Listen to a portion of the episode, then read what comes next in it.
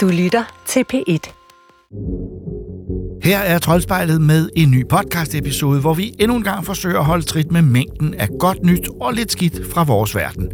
Super Mario er tilbage i biografen efter en lang pause på hele 30 år, og der er også nyt fra et endnu ældre spilunivers, selveste Dungeons and Dragons.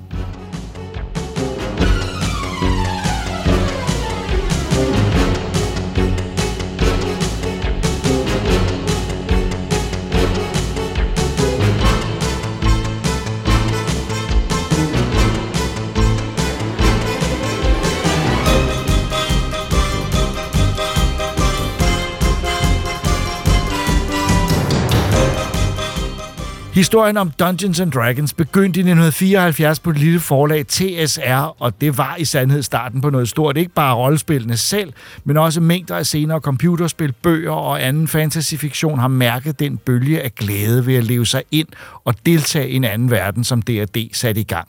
Siden blev forlaget slugt af Wizards of the Coast, folkene bag Magic Court og endelig af legetøjsfirmaet Hasbro. Og nu har Hasbro så valgt at investere i en stort opsat spillefilm, som fans af Dungeons and Dragons med rette har set frem til med en vis skepsis.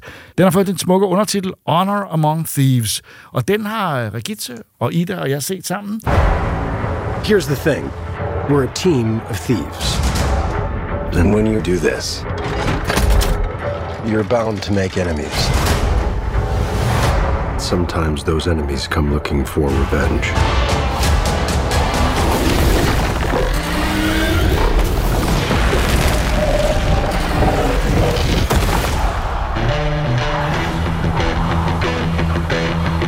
Truth be told, we help the wrong person steal the wrong thing. We didn't mean to unleash the greatest evil the world has ever known. But we're gonna fix it. So how do we pull that off? Uh, Figure it out over a drink? probably best. Ja, mine forventninger var ret, øh, øh, ret behersket, fordi øh, vi ved, der var tre øh, Dungeons and Dragons film tidligere, og øh, de var rigtig, rigtig dårlige. Oh. Øh, og der har også været en, en tegnefilmserie, som, var rigtig god. nå, som var rigtig god, ja, men stadigvæk... Nå, den var god. Den var rigtig god. Ja, det, Ja, det, det du var nok ikke så gammel, da du så den. Og Og undskyld, den, jeg den synes var også, også god. Første Dungeons and Dragons film var altså også udmærket, Jacob. forventningerne, forventningerne til den her film var ikke så høje, fordi man ved, hvor meget øh, et legetøjsfirma kan gøre. Og ja, ja, som jeg registrerede det, så havde I det rigtig godt, og jeg må indrømme, jeg havde det storslået. Det må man sige. Den var virkelig, virkelig vellykket og sjov. Og øh, uhøjtidelig.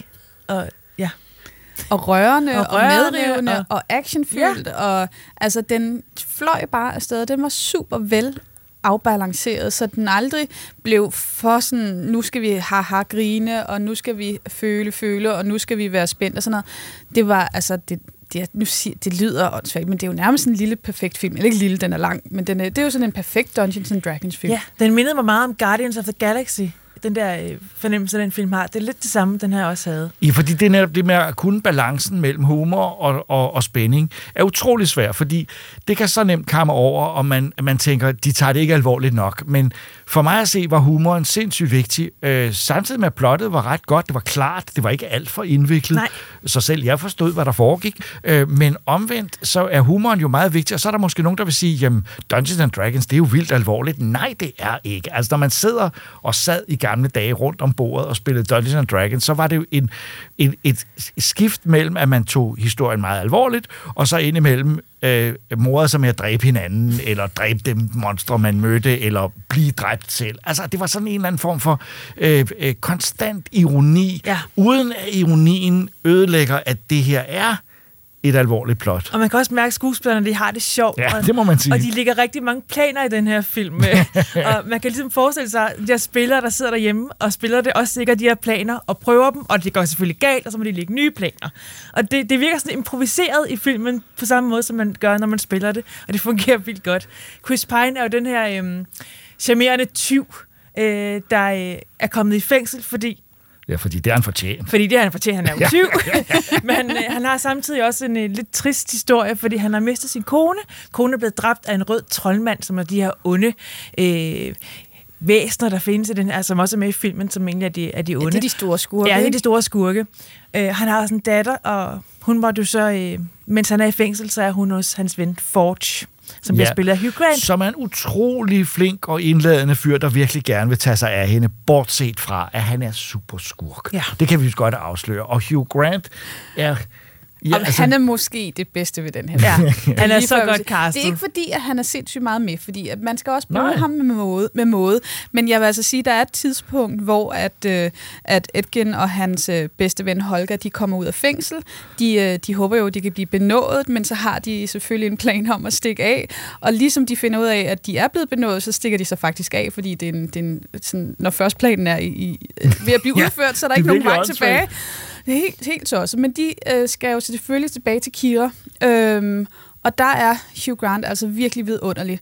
Men jeg vil sige, at den her film lægger jo sådan en god måde, og hvordan kommer vi ind i universet, og hvordan, hvordan forstår vi alt det her, og de her, den her gruppe, de har været. Så det starter jo med de to i fængsel, som sagt, og de skal ligesom op og forhandle om deres benådning. Og så fortæller Chris Pine, som Edgen, han fortæller så sin, sin baggrundshistorie. Så det er sådan en meget fed måde, så vi er ligesom bare i gang med det Ja, det samme. går, og ja, den der er måde- ikke en stort det er optag. ikke fordi, at der er sådan alt for meget eksposition. Overhovedet og sådan, øh, det, det, det er i hvert fald ele- elegant og oplagt lavet på den her måde. Og så kommer vi jo altså i gang. Øh, Ja. Og så Og- samler han det her hold af sådan små, udulige mennesker. lidt Øh, håbløst Ja, lidt håbløst men- øh, typer. Øh, men de har Ja. alle sammen en eller anden øh, evne, som faktisk som de faktisk bliver gode til, og de kan alle sammen Ja. noget. Øh, han har den her troldmand Simon, eller Simon, som ikke har så mange tricks i ærmet, som han gerne vil. Og dog, Og viser dog. det sig så. Øh, og så er der øh, en druide, der hedder øh, Doric, som er sådan en formskifter. Der er en rigtig, rigtig fed scene, hvor hun skal flygte fra slottet, øh, mens hun så skifter form til alt muligt forskelligt. Det, det, det er virkelig godt lavet. Øh, ja, så de har alle sammen sådan en eller anden evne. Og så møder de også den her paladin, som, øh, som bliver spillet af Reggae Jean Page. Og han, øh, han er nok den mest humorforladte person nogensinde. Han, har en, han forstår intet af han humor. forstår ikke ironi, og, og han er forstår så ikke godt. noget. Og det er nemlig så sjovt, ja. Ja. Om han er så perfekt, og jeg tænker i virkeligheden, at han er sådan lidt den der konservative udgave af Dungeons and Dragons univers, eller sådan det der med, hvor det bliver lidt tungt i replikkerne, altså hvor det er sådan lidt, ah, kom nu op i omdrejninger. Så han er simpelthen så, så fed til at illustrere, hvorfor det er vigtigt at have den her humor og lethed i det her, sådan, det er jo sådan lidt gammeldags univers, ikke? Sådan det der med, det er sådan lidt arketyper. Altså jeg sad for eksempel og tænkte, at, at Edgen, han er kaotisk god, og jeg tænkte på sådan, altså hele det der med, at nu har jeg spillet mest Øh, Baldur's Gate, som de jo også nævner, fordi det er ligesom Ja, i det her Forgotten påskæg der. Realms, Ja. øh, i Dungeons and Dragons, hvor det foregår også Neverwinter, som man også kender fra, fra øh, hvis man som jeg har spillet RPG-spillene. Øhm, så jeg havde ligesom den der følelse af, at jeg har lavet min lille gruppe af fem Ja, præcis. mennesker, der Ja. skal ud på togter Ja. og quest og sådan noget. Og sådan netop, så det der, det er en lawful evil, og det der, det er en chaotic Jamen, det var og også noget. jeg det havde netop sjovt. fornemmelsen af, den der følelse af, når man sidder der som spiller, og så er der en, en virkelig god og opfindsom, men også lidt irriterende game master, der har lavet det hele. En dungeon master, som har fundet på alting, og som for eksempel har fundet på, at der netop er en person. Øh, og, øh, og jeg kan huske fornemmelsen af, at jeg har engang valgt en figur, jeg havde en figur, som var totalt upålidelig. Altså, det var mit vigtigste... Overraskende. Øh, mit vigtigste egenskab var, at jeg ikke var til at stole på. Og det var simpelthen så fedt at spille den, fordi jeg skulle hele tiden sige noget svindel. Og det var virkelig rart. Ja. øh, men også den der fornemmelse af, at en game master, for eksempel er der en opgave på et tidspunkt, øh, eller et sted, hvor de skal og få oplysninger af nogle øh, døde krigere, som Ja. de skal vække til live, og som de må stille et antal spørgsmål. Ja, og fem spørgsmål. Ja, Once the dead man is revived, we can ask him five questions, at which point he will die again, never to be re-revived. Were you killed in the Battle of the Everhorse? Yes. Four more questions, right? Yes. No, no, no. That, that wasn't for you. Did that count as a question? Yes. Damn it. Only answer when I talk to you.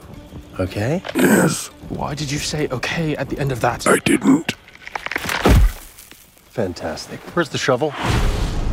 Og det er typisk sådan noget, som en Dungeon Master finder på for at irritere sine spillere. Så jeg tror, at hvis man er, har spillet D&D, og man har spillet det i evighed, eller bare har stiftet bekendtskab med det sådan lidt, så vil man føle, at det her er en film, der forstår det. Øh, Den er jo instrueret af Jonathan Goldstein og Jo- og John Francis Daly, som så vidt jeg ved skrev manuskriptet til Spider-Man Homecoming, mm. øh, og som altså har den der fornemmelse for øh, respekten for og, øh, og, og accepten af, hvordan et univers er. Men det er anderledes end Spider-Man, for her er det et univers, som ikke er givet, altså hvor alle ting altid vil men de har ligesom læst, hvordan hvad gør man, når man spiller? Ja. Og hvad er det, man gør ved figuren? Og det er også derfor, jeg tror, at folk, der aldrig nogensinde har stiftet bekendtskab med Dungeons and Dragons, øh, øh, og hvis der er den slags mennesker i verden, Ja, så det- vil det de, er der nu nok. de det vil ikke jo fatte en så- brik. De vil bare synes, det er en dum, åndssvag film. Og Vil de gud, hvor det? var de fjollede undervejs. Ja, Ja, det tror jeg. Jeg tror, Jo, hvis, det man tror bare, jeg. hvis man bare ved lidt om fantasy, så kan man sagtens nyde den her film. Tror du det er det? bare arketyper Ja. inden for fantasy. Ja.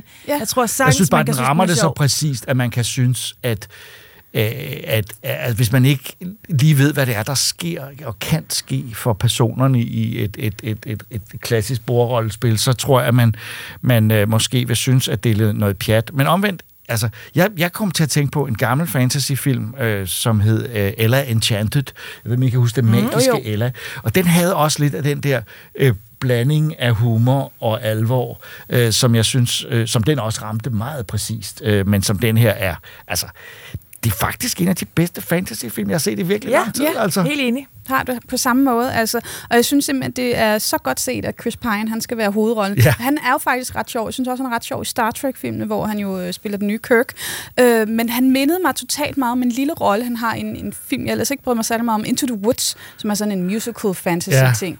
Øh, men der er han altså sådan også Prince Charming. Så han har sådan det der øh, morsomme... Altså, han har jo også det look til at være sådan lidt en, en held, ikke? Jo. Og så er han alligevel sådan lidt, ah, der er altså nogle problemer med ham. Han er, altså, jeg synes, at i det hele taget er det vildt godt castet. Ja. Altså, super gode Han er super charmerende, og hele filmen er bare generelt virkelig charmerende. Ja. Ja. ja. Så øh, på, fra os, altså Dungeons and Dragons Honor Among Thieves, det er en af sæsonens rigtig gode overraskelser. Sådan en, vi synes, øh, alle bør se. Ja. Øh, øh, og øh, Ja. ja. vi kan simpelthen ikke... Og den var til med to timer og kvarter, og det plejer at være der, hvor jeg siger, det sidste kvarter var bare for langt. Men det var det ikke. Nej, det føles ikke sådan. Nej, Og så altså igen en, en en Oscar til Hugh Grant for bedste birolle. Det, det, det, det, det, det skal vi bare have på plads. Ja. Ej, jeg er altså også lige nødt til at fremhæve Lorne Balfs musik. Ja, Lorne Balfe er fantastisk, filmkomponist. Og så læste jeg, at han jo selv har spillet rigtig meget Dungeons and Ja. Dragons, så han havde håbet, han fik lov at komme i betragtning til at lave musikken til det her, den her film. Og der skal man virkelig blive under slutteksterne, fordi øh, hans musik forsvinder lidt undervejs. Jeg lagde ikke rigtig mærke til den.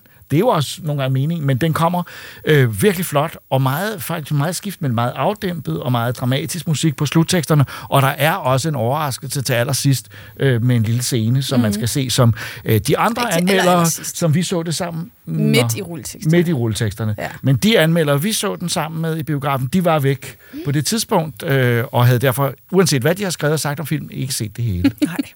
Men altså, det er virkelig sjovt. Jeg er lige nødt til at tilføje, at det er jo en kæmpe overraskelse, for den her film har jo faktisk simpelthen havde været næsten to år altså forsinket premiere, fordi og så var der corona, og så var der en anden, der var noget Mission Impossible, som de ikke ville udkomme samtidig med, fordi det er for skarp konkurrence, Det selvom det jo slet godt. ikke er samme Ah, kategori. men det- og så er det, det er hele tiden, farligt. den er blevet udskudt og udskudt, og det var i hvert fald sådan, at jeg tænkte, ah, det lugter ikke godt det her. Jeg tror, Nej. det er en dårlig film. Ja, det må jeg bare sige. Det er en af de bedste film, jeg har set i år. What is it exactly that you bring to this? I'm a planner. I make plans. You've already made the plan, so If the existing plan fails, I make a new plan. so you make plans that fail. No, He also plays the lute. not relevant. Netflix har investeret stort i spil på deres mobile platforme, og et af de spil, som også kan fås til PC, er Terra Nil. Det er skabt af indieudvikleren Free Lives og går ud på at genskabe spraglede økosystemer på en ødelagt planet. Det vil sige, flora og fauna skal genoprettes, og man skal huske at rydde op efter sig selv. En opgave, der ikke altid er lige til.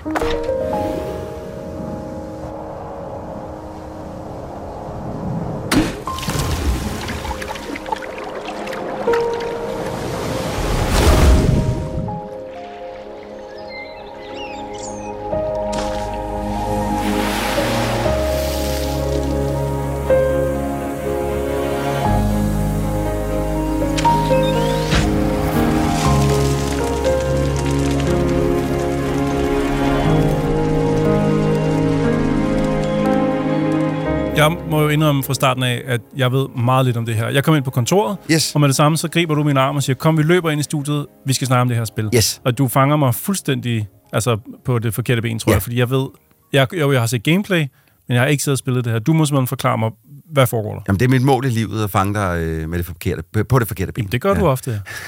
Jamen, Terranil er simpelthen en, øhm, hvad skal man sige, en, en verdens genopretter, genoprettelsessimulator, Ja. hvis man kan sige sådan. Man, øh, man ankommer til en planet, som er øh, ødelagt på den ene eller anden måde, øh, på den ene eller anden måde af øh, øh, hvad hedder det, klimaforandringer, og, og øh, ja, der er sket et eller andet i hvert fald, en verdensødelæggende event, Okay. som har øh, ødelagt byer og, og, og, og hele det her økosystem, som en, en planet nu engang består af, som vores. Og øh, det er så op til, til spilleren at, at, at genoprette de her systemer, så man skal... Øh, man skal skabe noget elektricitet, så man kan skabe nogle, nogle øh, ligesom sådan nogle pots, der kan vande, gøde jordene, Ja. og skabe græs og enge, for så at brænde dem af igen, for at skabe sådan noget, øh, noget, øh, noget muld, mm-hmm. som man kan plante træer i. Og øh, at, at, alle de her ting, som jeg lige har nævnt her, bare lige her, ja. Ja. de her kort, kort nævnt de her ting her, de, de, de skal gøres en meget bestemt rækkefølge, fordi ellers så kan tingene ikke lade sig gøre. Klart. Okay. Øh, så, så, så det, det og, og, og der er forskellige økosystemer på det her, den her planet. Øh, der, er lige, der er faktisk kun tre baner i det, og, og det er tre forskellige systemer. Der er det første, som er sådan et, jamen det her det er sådan et sommersted, der skal være enge og skove og, og, og rindende vand og alt sådan noget andet. Og så kommer du til sådan et øh, mere vulkanisk-agtigt sted, hvor at din elekt- elektricitet skal skabes af, af lavaen okay. Og varmen derfra. Ja, ja. Og så øh, det sidste sted, som er sådan øh, mere isagtigt, øh, hvor der skal, hvor man, hvor man øh, nej, undskyld, fire, fire baner her, fordi der er også en ødelagt, ødelagt by, øh, hvor man skal skabe strøm på en lidt speciel måde via sådan nogle bølgebryder og sådan noget. Mm-hmm. Øh, men det er ligesom, alting skal gøres i en, i en, i en rækkefølge, øh, for ligesom at kunne fordi før, når du først har skabt græs, og så brændt noget af, så kan du skabe skove. Når du så har skabt skove, jamen så får du låst op for nogle ting, der så gør, at du kan skabe for eksempel, øh, øh, hvad hedder sådan nogle øh, sumpe. Ja. Øh, og når du så har skabt sumpe, jamen så begynder det at ligne noget af det hele, og så har du en, en tæller op i venstre hjørne, der ligesom siger, at der skal være så og så mange procent skov, så og så mange procent eng, mm-hmm. så og så mange procent sump. Og så har man gennemført banen, når man... Nej, fordi når du så har skabt det, jamen, så skal vi have genskabt noget dyrliv. Ah. Og der skal du så sidde med sådan en scanner og finde ud af, jamen, hvor er det bedste sted, og, for at de her dyr, som du sætter ud, kan overleve. Ja, klart. Så- Men, men, og, og så er det rumvæserne, der kommer og smadrer det hele. Der er ikke nogen rumvæsener, nej. Men så kommer monstrene. Nej, og, der er heller ikke nogen monstre. Okay. Det er et meget hyggespil. Så det er farming simulator, men set lidt mere opfra. Ja, og, og i, i sådan en anime-stil, vil jeg nærmest sige. Ja. Altså, øh, jeg fik sgu lidt mindelser til min nabo Totoro over den måde, at, at træer og, og planter og, og dyreliv er sådan mm. tegnet op. Ja, fordi det er rigtigt forstået, at det... Altså, når jeg lige ser det, så er det sådan noget strategilignende, altså set ja. Op fra sådan noget Red Alert-stil, ja. Hvor man sætter op fra, men ikke Ja. med soldater og nej, ikke med tanks. nej, nej, og... slet ikke. Det er meget, meget øh, docilt på den måde, at det, det er bare, øh, det er ikke en kamp mod tiden. Du har al den tid, du har lyst til. Mhm. Det, øh, der er ikke noget, der kan gå galt. Der er en af banerne, hvor der kan ske nogle, et, et øh, jordskælv, men det er du faktisk ret interesseret i, fordi at så er der nogle øh, radioaktive lager, der springes åbent, Ja. og så kan du, på de radioaktive lager, kan du plante øh, øh, hvad hedder sådan nogle sunflowers, øh, solsikker, Ja. som kan opsuge radioaktiviteten, og det er en meget vigtig del af, af, af, af den bane, Mhm. mm-hmm. fordi at for at kunne øh, sætte en bestemt slags dyr ud, så har du brug for de solsikker, de skal være der, øh, for eksempel. Så, så det, altså det hele tager den tid, du har lyst til, det skal tage. Men kan du ikke lige forklare mig engang, hvad er spillets forhold til Netflix? Er det, en, er, er det her spil en del af, af de spil, der faktisk følger med Netflix abonnement, eller hvordan? Netflix, hvis man går ind på sin øh, app på enten, øh, på enten iPad'en eller sin telefon, så har man jo en, en spilfane, så at sige. Ja, der, der er sikkert mange, der faktisk har overset det, men der det ser er, man heller ikke rigtigt, når man lige går ind, fordi det ligner bare filmplakater nærmest. Ikke? ja, der er spil. Men der er øh, spil, øh, det fantastiske Shredder's Revenge, TMNT Shredder's Revenge, ligger jo derinde, så hvis man abonnerer på Netflix og, og har en telefon eller en iPad og en controller sat til, så mm. kan man spille det fantastiske Teenage Mutant Ninja Turtles Shredder's Revenge. Og uh, Stranger Things har jeg der faktisk ligger, ikke prøvet, men ja, der, der, er ligger også, ja, der ligger sådan Ja. nogle Shredder, øh, hvad hedder det, undskyld, skulle jeg til at sige Shredder's Revenge igen. Der ligger nogle Stranger Things-spil derinde, som er sådan nogle øh, pixel art spil. Mm-hmm. Øhm, der, der er faktisk der er også et golfspil, som er sådan ret øh, utræret øh, på, en, på en meget fed måde. Og det er noget med, at de faktisk er ved at også flytte spillene over, så man kan spille dem på sit fjernsyn, tror jeg. Det mener jeg, jeg har læst Ja, det kommer, det kommer så lidt an på, hvad for et fjernsyn man har, og alt sådan noget andet. Det er Mm. klart, ikke? Men, men øh, de er i gang med at investere store summer af penge på at få flyttet flere og flere spil derind. Mm. Men, Øh, men hvor er det her spil så hen i den? Jamen, det, det er simpelthen lige øh, det, det er for nylig kommet til øh, øh, platformen. Og, og nu er jeg sad, jeg sad og spillede det på PC, fordi at, øh, jeg var faktisk ikke klar over, før jeg havde gennemført. Det var sådan et, nå, det ligger simpelthen også på Netflix. Jeg sad lige og kiggede nogle kommentarer inde på Steam igennem. Nå, mm. det ligger så også på Netflix-platformen. Super, så havde jeg ikke behøvet at købe det, men det gjorde jeg nu alligevel. Mm, mm. Øh, og jeg synes også, det er pengene værd, øh, når det så er sagt. På trods af, det var to og en halv time at Ja. gennemføre. Det er ikke særlig langt. Det lyder simpelt og småt, Ja. men hyggeligt. Det er, det er rigtig hyggeligt. Altså, jeg, vidderligt lige, jeg har lige spenderet hele påsken øh, i USA, kom hjem og gennemført det her. Øh, altså, og jeg, har, jeg, jeg havde en dag til lige at komme oven på jetlaggen, og så satte jeg mig ned og gennemførte det her, for jeg ikke kunne falde i søvn. Mhm. Så, så det er drønhyggeligt. Man skal bruge lidt af de grå celler, så at sige, Mm. op, i, øh, op i sin hjerne. Det er ikke altså, det er ikke sindssygt svært på nogen som helst måde, men det er sådan en, øh, det er et spil, hvor man lige sidder, du ved, og hygger sig lidt. Nå, men så kan jeg måske bygge en skov herover. Men for at kunne gøre det, så er jeg lige nødt til at få flyttet nogle ressourcer herfra derover til, okay, nå, det er ikke meget godt. Nå, men så er der noget, så er der det der, den der bane, hvor, øh, som jeg fortalte, der hvor der er noget, øh, der, der er noget radioaktivt affald, der ligesom kommer op til overfladen. Så skal Ja. man så fjerne det her radioaktivitet. Øh, og det kan du kun gøre via nogle bestemte, sådan nogle, der suger al den her radioakti- radioaktivitet op, men dem kan du kun bygge, hvis du har noget strøm, og strømmen har du ikke lige så let tilgængelig, så skal man lige finde ud af, hvordan får jeg bygget noget strøm derover, Mhm. mm-hmm. så jeg kan rent faktisk få suget alt det her skidt op, så jeg kan få øh, plantet nogle solsikker, der kan suge resten af den her radioaktivitet klart. op. Ikke? Så, så selvom det ikke er på nogen som helst måde sindssygt svært, så er der nogle, nogle små puzzles i, om hvordan man lige får gjort tingene ordentligt. Øhm, og så er der også en meget sjov ting, fordi det er meget sådan øko-agtigt det her. Så hver gang du har fået bygget de her kæmpe økosystemer op, så har du en masse bygninger, der laver elektricitet og alt muligt andet. Inden du forlader stedet og ligesom kan gennemføre banen, så er du nødt til at få ryddet op efter dig selv.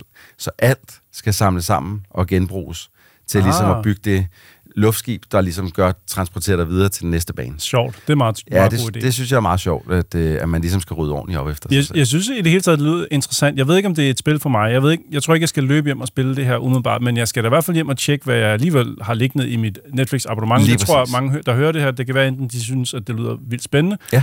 eller om ikke andet, så i hvert fald kan man tage med sig herfra, at måske ligger der nogle spil, man allerede betaler for, men som man ikke får spillet. Det, altså, igen, Teenage Mutant Ninja Turtles Red Revenge ligger derinde, og jeg synes, Terra Nil er en, øh, øh, hvis ikke en gigantisk anbefaling, så er det en anbefaling til øh, et spil, man kan komme fra til, uden at skulle koncentrere sig for meget om, at åh, hvad er historielinjen lige her, og muligt Mm. andet. Det er et, man kan gå fra øh, og komme tilbage til flere dage efter, uden at have gået glip af noget.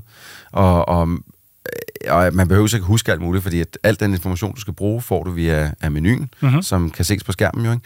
Så, så jeg synes, det er, det er en anbefaling til dem, der godt kan lide at, at bare lige læne sig lidt tilbage med et tæppe henover måske, og, og sidde og hygge sig lidt med sin telefon eller sin, øh, sin tablet i, i, i hænderne, fordi det er, jeg synes faktisk, altså, især som sådan en lige, nu skulle jeg komme oven, oven på noget jetlag, der var det den perfekte oplevelse. Altså, jeg satte mig ned og prøvede at spille The Last of Us Part 1 på PC, og det var simpelthen sådan en clusterfuck, så det her, det var sådan helt dejligt at komme tilbage til, sådan det var, åh, her kan jeg bare sidde og sl- slappe lidt af og sidde og, og klikke lidt med min mus. Det lyder også rart. så en lille anbefaling herfra.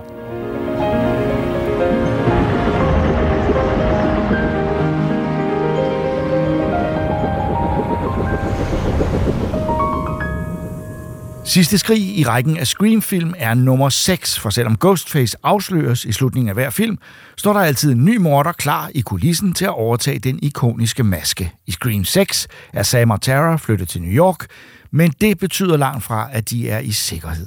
Regitze og Christoffer har set filmen. I had this secret. There's a darkness inside of me. It followed me here. And it's gonna keep coming for us. We share a certain history. This isn't like any other ghost face. What is this place? A shrine. We've got to lure him in. We execute him. The Big Apple, New York. Ja, det er det vist nok ikke, men det skal det være. Det, det skal det være, ja.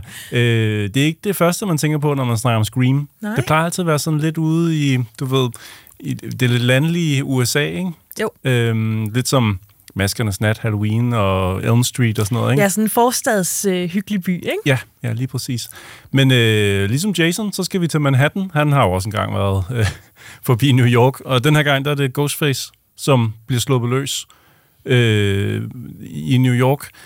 Jeg var, jeg, min, mine forventninger var ikke særlig høje, skal Nej. lige siges. Øh, når man når til nummer 6 i en slasher-række, så skal barn sættes meget lavt, Ja. inden man går ind. Idéerne plejer at være udtømt, ikke? Yes, det, det, øhm, det har vi set før i hvert fald, i andre franchises.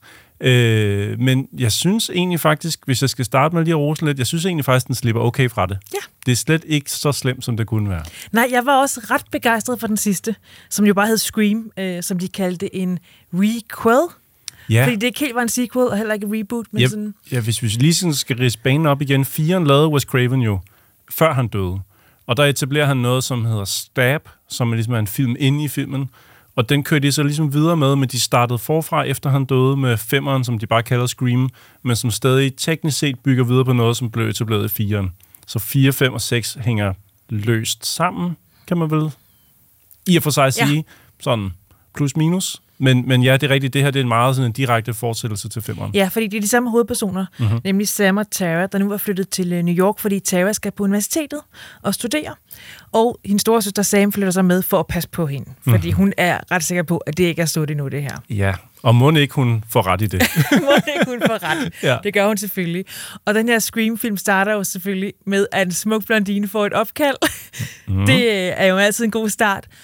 Men jeg synes faktisk, at den er anderledes i forhold til de andre. Der sker noget ret kort efter, som man ikke havde regnet med. Det er rigtigt, og det, er, jo- Øh. det er jo noget af det, som jeg altså hatten af for Scream, fordi den har jo siden den første været ret interesseret i at bryde med sine egne klichéer og sine egne normer, ikke kun inden for Scream, men også inden for hele genren, og det bliver de ved med. Altså, det, det, de ruder lidt sådan med forventningerne, især i starten. Ja, jeg kunne rigtig godt lide starten. Det, øh, det er en, øh, en lektor fra universitetet, der sidder på en bar og venter på en date, og så får hun så et opkald, og det skal hun selvfølgelig aldrig have taget, det her opkald. Mm. Jeg synes også, at den her film er mere blodig og mere klam. Jeg ved ikke, om det er bare mig, men jeg synes, moderne, det dvæler mere ved sårene, personerne får, og der er sådan lige lidt længere indstillinger på, okay, hvor meget bløder hun egentlig? Hun bløder ret meget. Okay. Jeg synes, den er lidt mere ulækker. Ja, det er sjovt, for jeg havde den helt anden, og- altså sådan en helt anden opfattelse. Jeg tænkte, hmm, jeg skulle nok have været 14 for at sætte pris på den her, fordi der var egentlig ikke så meget sådan... Altså, den var ikke så uhyggelig, der var, den var ikke så blodig, men jeg har måske bare... Nej, jeg synes ikke, den er lige så uhyggelig, mm. men jeg synes, den er mere makaber, eller mere, Okay. mere ulækker Ja, i, ja. i måderne, de dør på. Og så synes jeg, at den, den første Scream var jo faktisk også, den er jo lidt komisk på en mm. eller anden måde. Den måde, hvor, hvor de to mordere til sidst står og, og, og sover hinanden, det bliver, det bliver sådan lidt komisk, Ja. ikke? Og det, det har den hele tiden haft. Jeg synes også, den her, den er også den er ret sjov til tider, selvom den også har nogle ret effektive, uhyggelige scener. Jeg synes, at den scene i metroen mm. var ret god, hvor at, øhm, det er Halloween, så der er rigtig mange, der er klædt ud, og rigtig mange har den her Ghostface-maske på. Mm-hmm.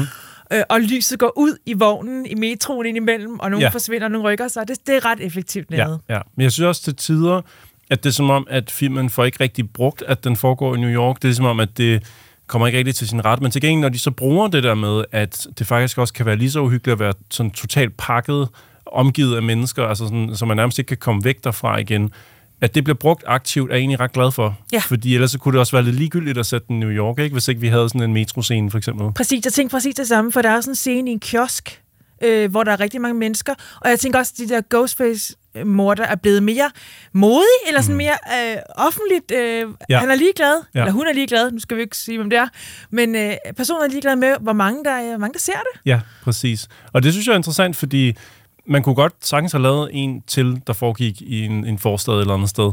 Men at rykke det ind i en by, gør det på en eller anden måde også i nogle scener i hvert fald mere sådan aktuelt, når man ser på, hvad der sker i USA med, med shootings og sådan noget. Der, altså, det er som om, at den prøver ligesom også at kommentere lidt på, at, at du ikke er i sikkerhed, selvom du står og køber ind. Altså, og nu, nu er selv øh, Ghostface er rykket ind der i, i kiosken, ikke? Ja. Altså, og det var også en ret interessant scene, synes jeg. Ja. Den er væsentligt anderledes, end hvad vi har set før fra, Ja, det er den nemlig. fra deres side.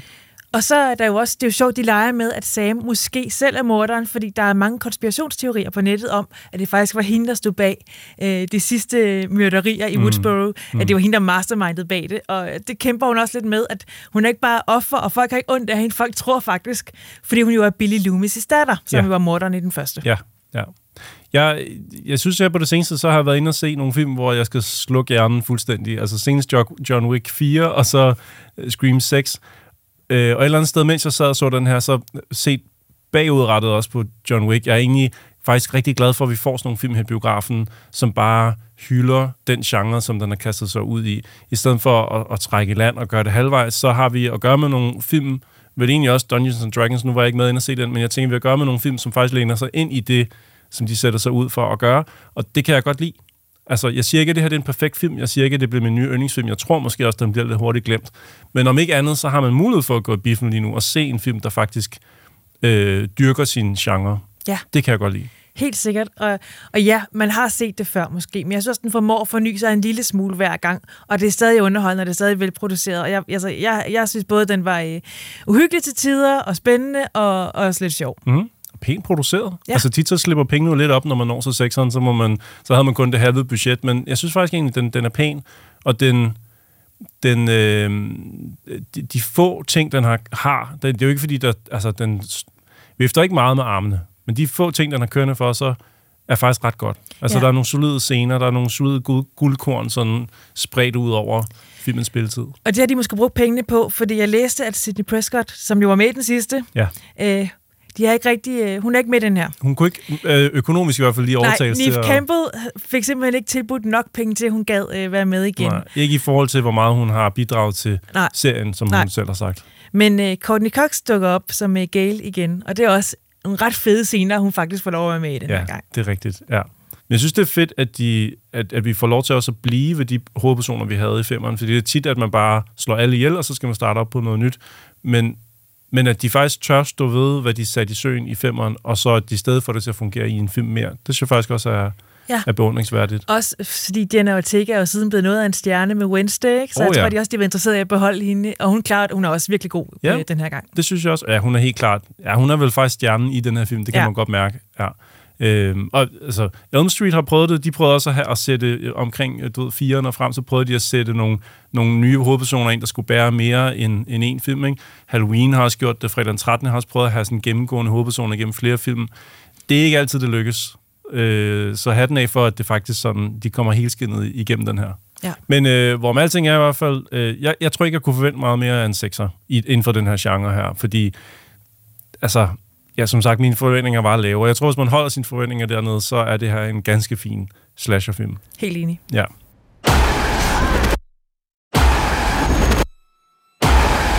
You want me. So let's finish this.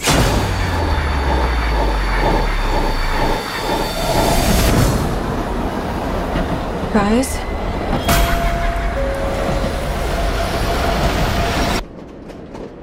I gamle dage blev det betragtet som lidt suspekt, når store romaner blev omsat til tegneserier. Det ansås for tageligt og plat, når seriebladet Illustrerede Klassikere kogte romanerne ned med billeder og talebobler.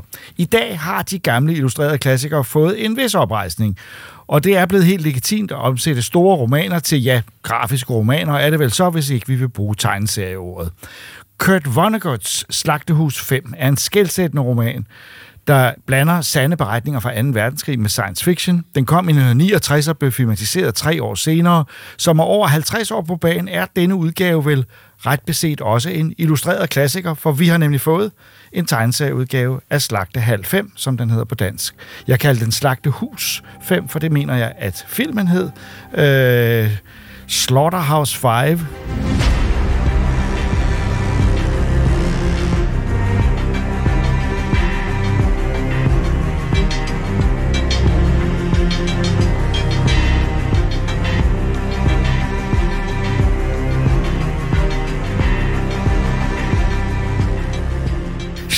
Schlachthof 5.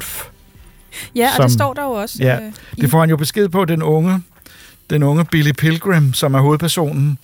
Øh, og øh, jeg må sige, det er en af mine yndlingsromaner. Jeg kan også godt lide filmen, og jeg har læst romanen adskillige gange. Den er ikke så stor, den er hurtigt læst, men meget, meget gribende, både fordi det er Vonnegut's egne erfaringer fra 2. verdenskrig, og det handler om krigens, ikke som både grusomhed, men også tilfældighed og, øh, og absurde elementer, og så det, at de fleste af deltagerne i krig er ganske unge drenge. Ja, det er også der, hvor den har undertitlen øh, Børnekorstoget. Ja, fordi det er, der en, det er der en, der siger undervejs, det her er jo et børnekorstog. Ja.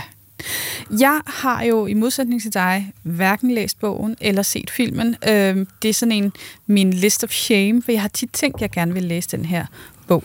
Øhm, og, og filmen har du så også nævnt for mig flere gange. Vi har spillet noget musik i, i vores Stilmandsgård-program. Jeg var ret begejstret for den her, vil jeg sige. Uden at have noget kendskab til det, så var jeg virkelig godt underholdt og chokeret. Øhm, jeg havde i hvert fald lyst til mere, fordi jeg synes næsten, det gik for hurtigt. Jeg synes, jeg manglede nogle ting. Øhm, og det ved jeg jo så ikke, om jeg gør, fordi jeg ikke kender forlægget, men jeg havde sådan den der følelse af, det er godt fortalt, det går hurtigt, det er sjovt at læse. Jeg forstår udmærket, fordi der er jo, der er jo underlige øh, væsener, som ligner en hånd med et øje i håndfladen. Ja, det er science fiction-elementet. Ja. Øh, Tralfamadorianerne. Tralfamadorianerne. Tralfamadorianerne. Ja, ja, okay. Whatever. Ja, øh, dem der. Øh. Men jeg, jeg, var, jeg var egentlig med, og det her, at han springer i, ja, i tid. for eller, det er jo det væsentligste litterære ja. træk, han har, eller hvad skal man sige, øh, øh, øh, at he's come unstuck han, in han time. Han er alle steder på samme tid. Ja. Og det er jo også derfor, at de her tralfamadorianere yes. øh, er sådan lidt... Altså, de, de, de fremstår nærmest kyniske. Det er de også. For hvorfor behøve at gøre noget for at ændre på Nej. udfaldet af de ting, man, der sker? Fordi at alt de sker, sker jo alt sammen lige nu. Ja. Alle, der, er ikke, der er ikke noget liv, og der er ikke noget død. Det hele er på samme tidspunkt, og de ved selv, hvornår deres egen race bliver udslettet. Det er, de har slet ikke den idé om tid, vi har, så derfor er de heller aldrig kede af det, fordi alting er jo bare, øh, ja. sådan går det. Sådan går det.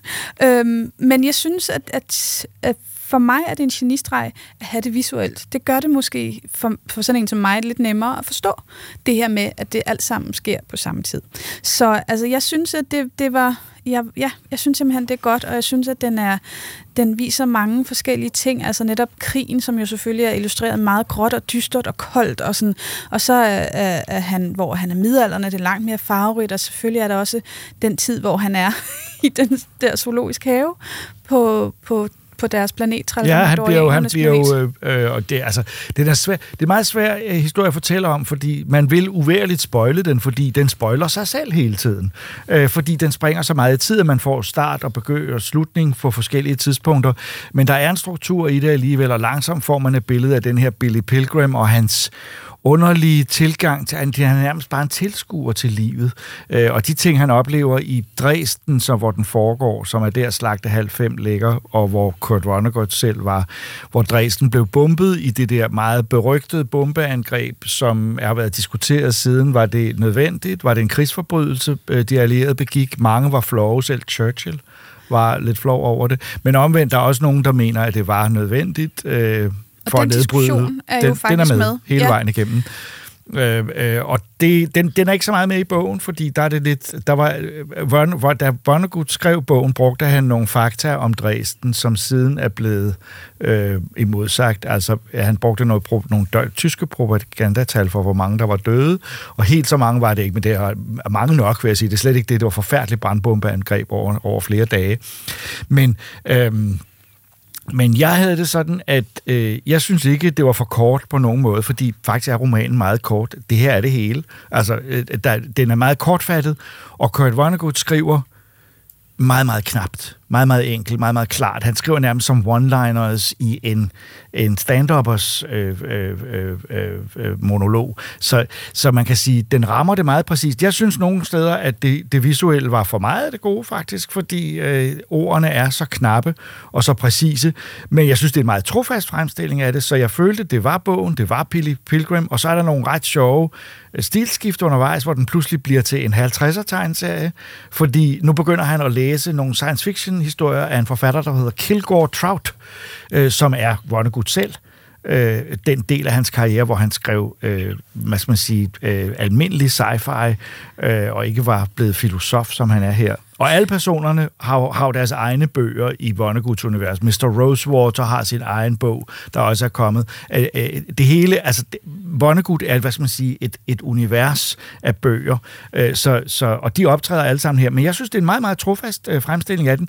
Som fan af bogen havde jeg ikke den store brug for det, fordi jeg, jeg, jeg kendte det, øh, og jeg kan også godt lide filmatiseringen, men så den for nylig, og må erkende, at den måske er lidt øh, Øh, gammeldags. Øh, George Roy Hill lavede den, men, øh, men, men, men jeg synes, det er en meget trofast, meget fin fremstilling af den, så hvis man, hvis man har brug for den som indgang til at læse den, men jeg tror, hvis man læser denne her først, og så læser bogen bagefter, så øh, vil man synes, at der var det hele her. Øh, øh, også nogle af hans bizarre personer, Paul Lazaro, som er øh, ham den gale soldat, han møder, der kun er ude på at hævne sig på mest brutal vis over for alt og alle, han møder. Og så øh, øh, vil jeg sige, der er ikke så meget med hende, øh, pornostjernen, som han, han, han forelsker sig i, eller som han får foræret som som øh, øh, øh, øh, hvad han skal parre sig med hende. Ja, det er jo det her absurde, at, øh, at, at der kommer den her unge kvinde til Billy Pilgrim øh, i zoologisk have, hvor de bliver betragtet, fordi at, at de her tralfamadorianere bare gerne vil se, hvad menneskeheden går ud på. Ja. Øhm, og så får de et, Ja. altså et liv der. Og hun er sådan lidt, Nå, var du, hvor var du henne nu, spørger hun så på Mhm. et tidspunkt, fordi at han så har været... Ja, var du i krigen nu? Ja. Og det var han så midt i det hele. Men jeg synes jo, altså hele den idé om, at man oplever hele sit liv samtidig, den kan jeg sgu godt følge. Det der med pludselig at opleve det, man oplevede for teknisk set 10 år siden, og så pludselig være midt i det igen. Det kan jeg, det kan jeg sagtens, øh, det synes jeg er en, er, en, er en spændende måde at se livet på. Og Mm. øh, altså, jeg synes jo, bogen er en af dem, alle burde læse. Så derfor er den, den tegneserieudgaven også en, alle bør læse. Og jeg vil sige, jeg var ikke øh, øh, sådan, så den gav mig noget nyt. Nej. Men altså for eksempel, øh, jeg tror det er der, hvor at Billy Pilgrim han første gang oplever øh, tidsrejsen, eller der er sådan et eller andet. Altså det er jo, han er jo ældre, men, men han sidder og ser en film, og han er oppe i årene, og den her film begynder så lige pludselig at, at køre baglæns for ja. ham, og så har de så lavet sådan et... Øh, En storyboard, et storyboard, Ja. øh, som jeg synes er ret, altså Ja, det det, synes jeg er ret fedt. godt. Altså man får det der indtryk af, hvordan filmen bliver spillet baglæns, men mm. Mhm. den stopper ikke der, hvor filmen starter. Den går faktisk længere tilbage til helt til, til Adam og Mhm. Eva mm. øh, i Edens have. Øhm, og det, det var ret fint. Altså, og så bliver han så bagefter hentet af tralfamadorianerne i et, i et rumskib. Ja, og de optræder jo også i andre Kurt Vonnegut's bøger, øh, øh, kommer jævnligt forbi og har mærkelige planer med menneskeheden, som, ja. ikke, som afslører, at de egentlig er fuldstændig ligeglade med men, os. men jeg synes, at det, som er fedt ved den her bog, det er netop det der med, jamen er... Altså, jeg, jeg, jeg begyndte jo sådan at reflektere over, jamen er alting... Altså, er der fri vilje? Er der skæbne eller ej? Kan vi gøre noget for at ændre på udfaldet af vores liv? Ikke? Fordi det er jo enormt frustrerende, at, at der sker nogle grimme ting, som ikke bliver forhindret.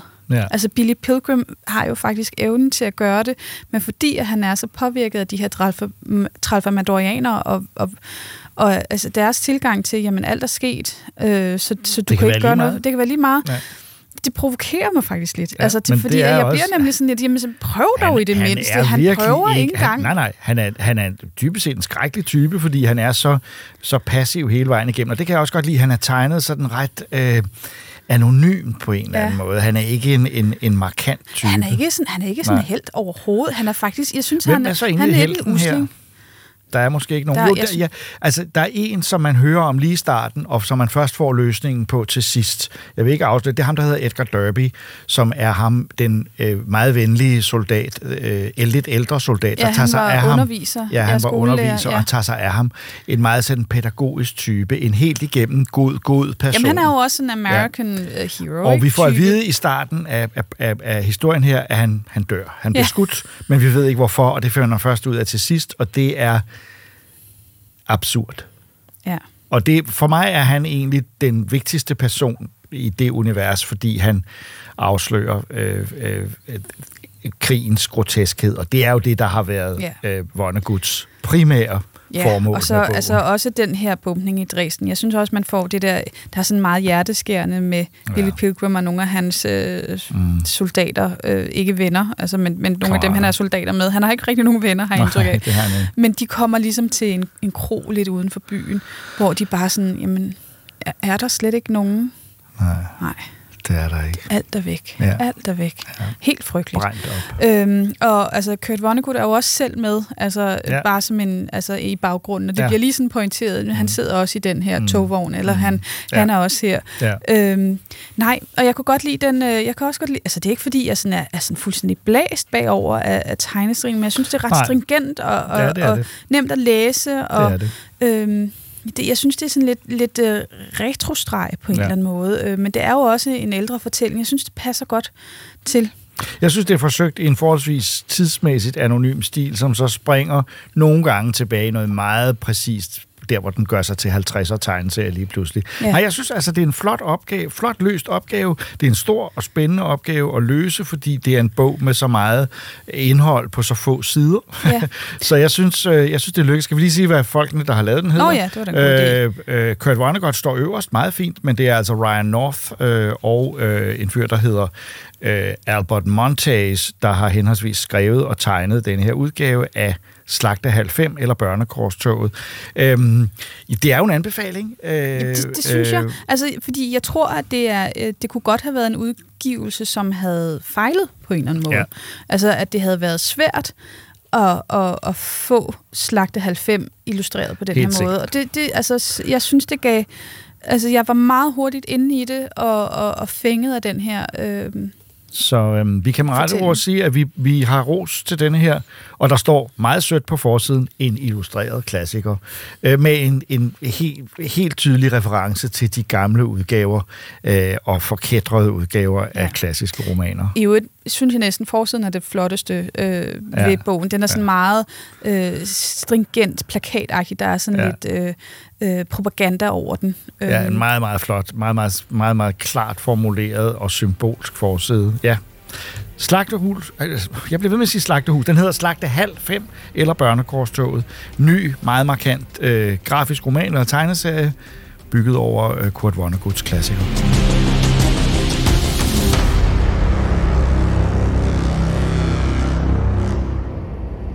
Det er som sagt 30 år siden, vi oplevede den første Super Mario spillefilm, og det var jo ikke så god en oplevelse, selvom vi her i Troldspejlet forsøgte at være positive. Men nu er det altså film, der er Super Marios næste skridt. Bob Hoskins, som man husker blandt andet fra Roger Rabbit, spiller ham, og man må sige, at han ligner. Det gør resten af filmen dog ikke. Det er svært at efterligne et videospil, og det er særlig mærkeligt at skulle sidde og se på Mario, uden at kunne flytte ham rundt på skærmen. Men filmen er på den anden side meget flot og stemningsfuldt lavet, så hvis man glemmer sine spiloplevelser med Mario, kan man godt få en god filmoplevelse med ham i stedet for.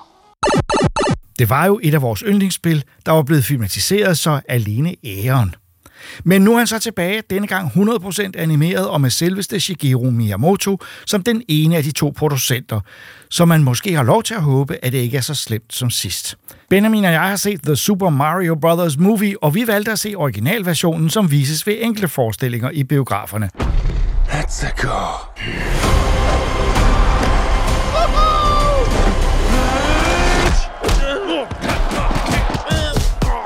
Oh my god. Okay. Not sure if you know who I am, but I'm about to rule the world. Wow, uh, yay. But there's one problem. There's a human, has a mustache, just like you. Do You think I know every human being with a mustache wearing an identical outfit with a hat with the letter of his first name on it? because I don't. Bowser is coming. Together, we are going to stop that monster. How? Look at us. We're adorable. Og Benjamin, øhm, ja, hvad handler den egentlig om? Det kan ja, du fortælle. Øhm, det er jo et meget klassisk Super Mario-plot, med at, øh, at Bowser, han er ond, og øh, han vil gerne giftes med Peach. Øh, vi har også en prinsesse, som er meget aktiv. Ja. Øh, væsentligt mere, end hun er i spillene, Mhm. øh, hvor hun jo sådan set ikke er. Ja, der er hun i et slot, eller Ja. i et andet slot. Ja, øh, hun har en meget aktiv rolle, øh, men ellers ja. Er det jo en klassisk øh, quest-movie, Ja. og det starter jo meget hyggeligt i, i New York, Ja. hvor, hvor det viser sig, at vores to helte, Luigi og Mario, Mhm. mm-hmm. har åbnet deres eget Ja. øh, deres egen VVS-forretning Øh, Øh, ja, blikkenslager. blikkenslager, ja, bliktud, som man siger på Ja. dansk. Øh, og, og, og, og nu har lavet nogle reklamefilm, og det er faktisk meget hyggeligt, fordi her, Ja. her får vi faktisk Charles Martinet i den oprindelige Mario-stemme. Fordi en af de ting, ja. man skal sluge i den her film, og det kan vi jo godt tage med det samme, det er... Uh, uh, Chris Pratt. Chris Pratt uh, i den, i den ja. Engelske version uh, spiller Mario. Mario. Og, og det er en af de mærkeligste castinger, jeg nogensinde har hørt om. Det, jeg kan huske ikke helt tilbage, da, da jeg hørte om det, for jeg ved ikke, hvor lang tid siden, og jeg er sådan, hvad? Det er de andre castings virker egentlig fine nok. Øh, Seth Rogen som Donkey Kong. Ja, det er og, rigtig sjovt. Og, og øh, Jack Black som Bowser og sådan noget. Det, de, de er ret gode. Øh, men, men Chris Pratt som Mario, det er så mærkeligt. Han gør det fint nok, men... Øhm, men for at være helt ærlig, så, så er det egentlig ikke rigtig stemmeskuespillet ved den her film, der er det fede, synes jeg. Nej, og, og der kan øhm, vi ligesom springe det over og sige, ja. okay, Chris Pratt leverer varen. Det er egentlig ligegyldigt, hvem der har lavet den stemme. Fordi han er en, et ret, øh, øh, øh, det er en ret øh, anonym stemme Ja. på en eller anden måde. Men, men, men jeg, jeg tror også, men, at, at Marios stemme i sig selv også er svær at oversætte til et filmformat, fordi i spillene, så siger han jo ikke så meget, han render bare rundt og siger, Yahoo! Ha! Og sådan nogle ting. Al- Altså, det er meget... Øh, Ja, Ja. og det, så når skal han sige mere, så, så, så går det simpelthen ikke. Det var faktisk lidt det samme problem, mm. de havde i gamle dage, da de skulle lave DuckTales-serien. Ja. Fordi Anders And, i de små korte film, han mm. kan godt nøjes med at sige de der få ting med sin Ja. stemme, men Rip Rapperup øh, kunne ikke blive ved med at tale det sprog, hvis de skulle have masser af dialog, Ja. som de havde i den serie. Så de Mm. måtte simpelthen lave det om. Mm. Og det er lidt det samme, de har gjort her, og det lyder da ikke helt så skingert som Rip Rapperup. nej. Så, så på den måde kan man sige, at det er godt. Men skal vi så ikke uh, uh, uh, cut to the chase og Yes. sige, vi havde det faktisk godt. Det var Ja, sjovt. Det var en det, god Det var en, en fin film. Ja. Øh, øh, plottet er okay, men, men, men hvad der egentlig er fedt ved den her film, det er, øh, jeg ved ikke, om man kan kalde det for actionscener. Øh, jeg tror platforming-scenerne, Ja. hvor de, de hopper rundt. Der er allerede i starten af filmen, hvor at Maja-brødrene er i New York, og de skal skynde sig hen til en, et hus, hvor de skal lave noget blikkenslager haløjse. Så er der sådan en hel scene, som er sådan nærmest 2D-agtig, hvor man ser Mario hoppe afsted, og Luigi forgæves prøve at løbe efter, som er meget flot lavet, og man har en masse af sådan nogle scener i Ja, filmen. og det, hvor, som- hvor, hvor jeg vil sige, som du siger, det er næsten 2D-agtigt, men ikke så meget, som man tænker, nå, nu er det et spil. Ja. Det er stadigvæk rigtigt, men mm. man kan se alle referencerne, og måden, de kommer hen over ting, og op af ting, og ned af ting, og springer Ja. over, det er fuldstændig som en platformspiller. Mm. På den måde synes jeg, den, og det gør den mange steder med actionsekvenserne, Ja. den tager elementer fra spillene, også fra nogle af de andre spil, fra Mm. Galaxy og fra de andre Mario spil. Og, Kart og ja, sådan og, og, ja, Mario Kart dukker op lige Ja. pludselig. Jeg vil sige, det virkede en lille smule øh, anstrengt, gjorde det ikke altså? Ja, jo, men jeg ved det ikke. Jeg tror egentlig, jeg var lidt ligeglad. Jeg synes, det var en fed scene. Det var hyggeligt, ja. Øhm. Og, og, og, og, det samme gælder, øh, jeg, jeg havde det ja. Rigtig godt, da, da Donkey Kong dukkede op. Jeg synes, Ja. han gjorde en rigtig god figur mm. i den. Også fordi øh, det giver en god mulighed for at tale om musikken, fordi musikken i Ah, den her ja. film er så god. Ja. Øh, den, der er så mange små referencer til ting, og, og der er masser af sådan nogle små Der blev du ting. rørt. Jamen, der blev jeg lidt rørt, fordi ja, jeg Ja, ja. tænkte, ej, de, okay, de, blevet, de kender godt nogle ting her, fordi Ja. ja. det, det er jo... Ja, men det gør de, og det vil sige, jeg har læst interview med Brian Tyler, der har skrevet Ja. musikken. Han er gammel Mario-spiller selv. Han Ja. er født og opvokset med Mario, og for ham var det en gave at få lov til at lave et score, hvor han kunne løfte alle Koji Kondos Ja. øh, øh, temaer, alt det, han har skrevet undervejs, og gøre det til stor symfonisk musik. Ja.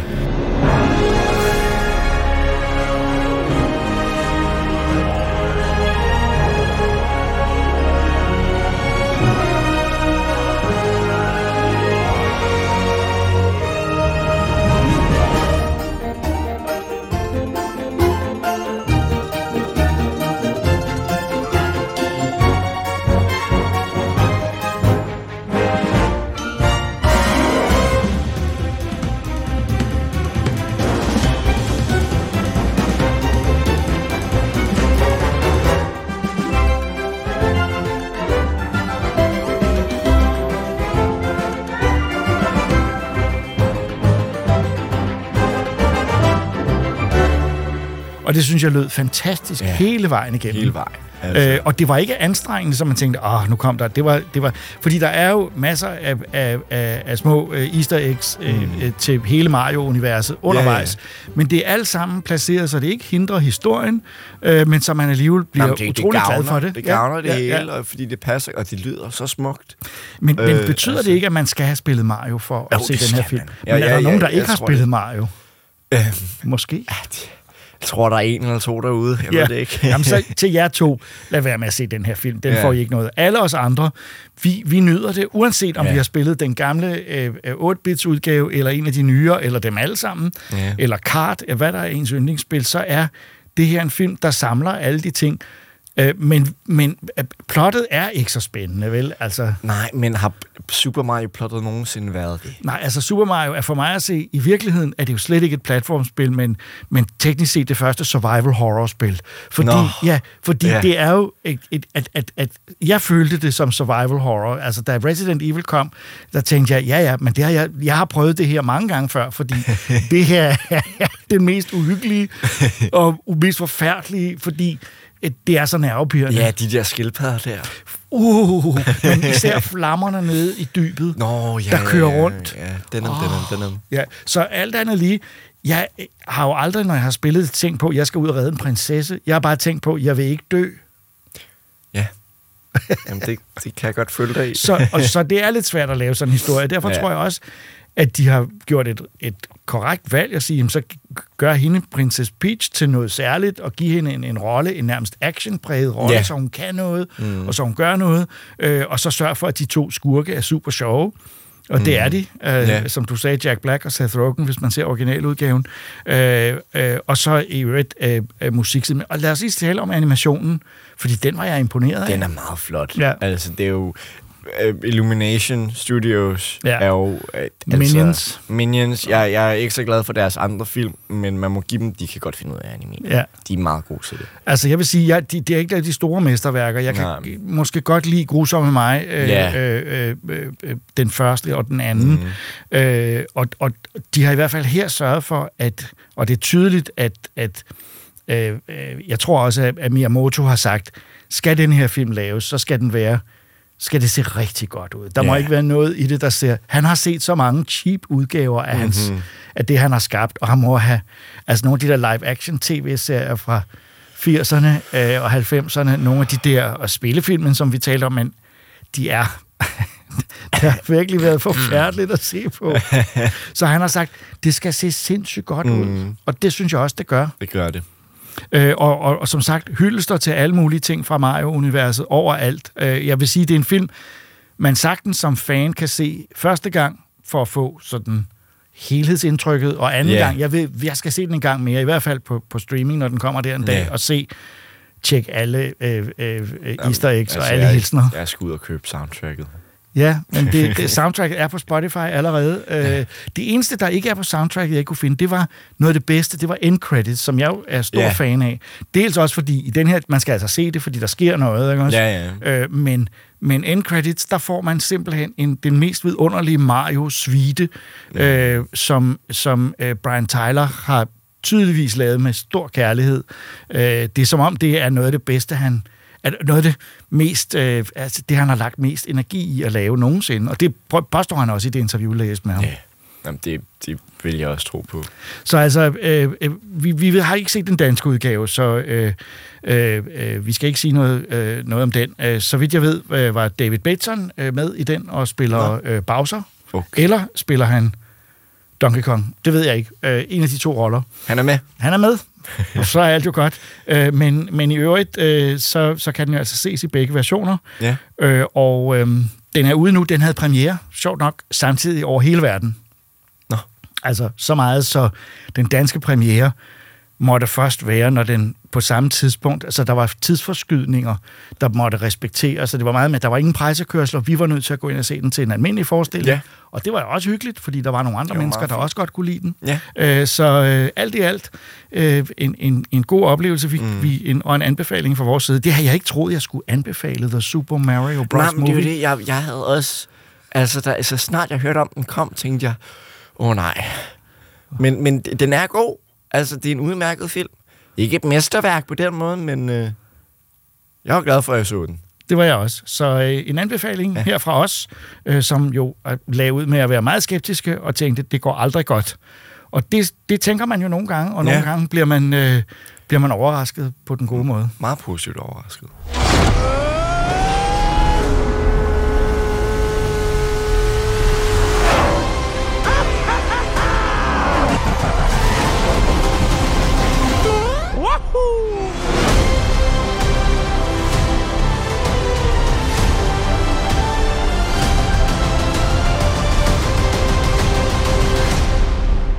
Det var, hvad vi havde programmet i Troldspejlet podcast i dag. Vi er tilbage igen om to uger. I studiet var jeg, Jacob Stelmann, Ida Rod, Christoffer Andersen, Benjamin Stelmann, Regitze Heiberg og Troels Møller, der også stod for redigeringen.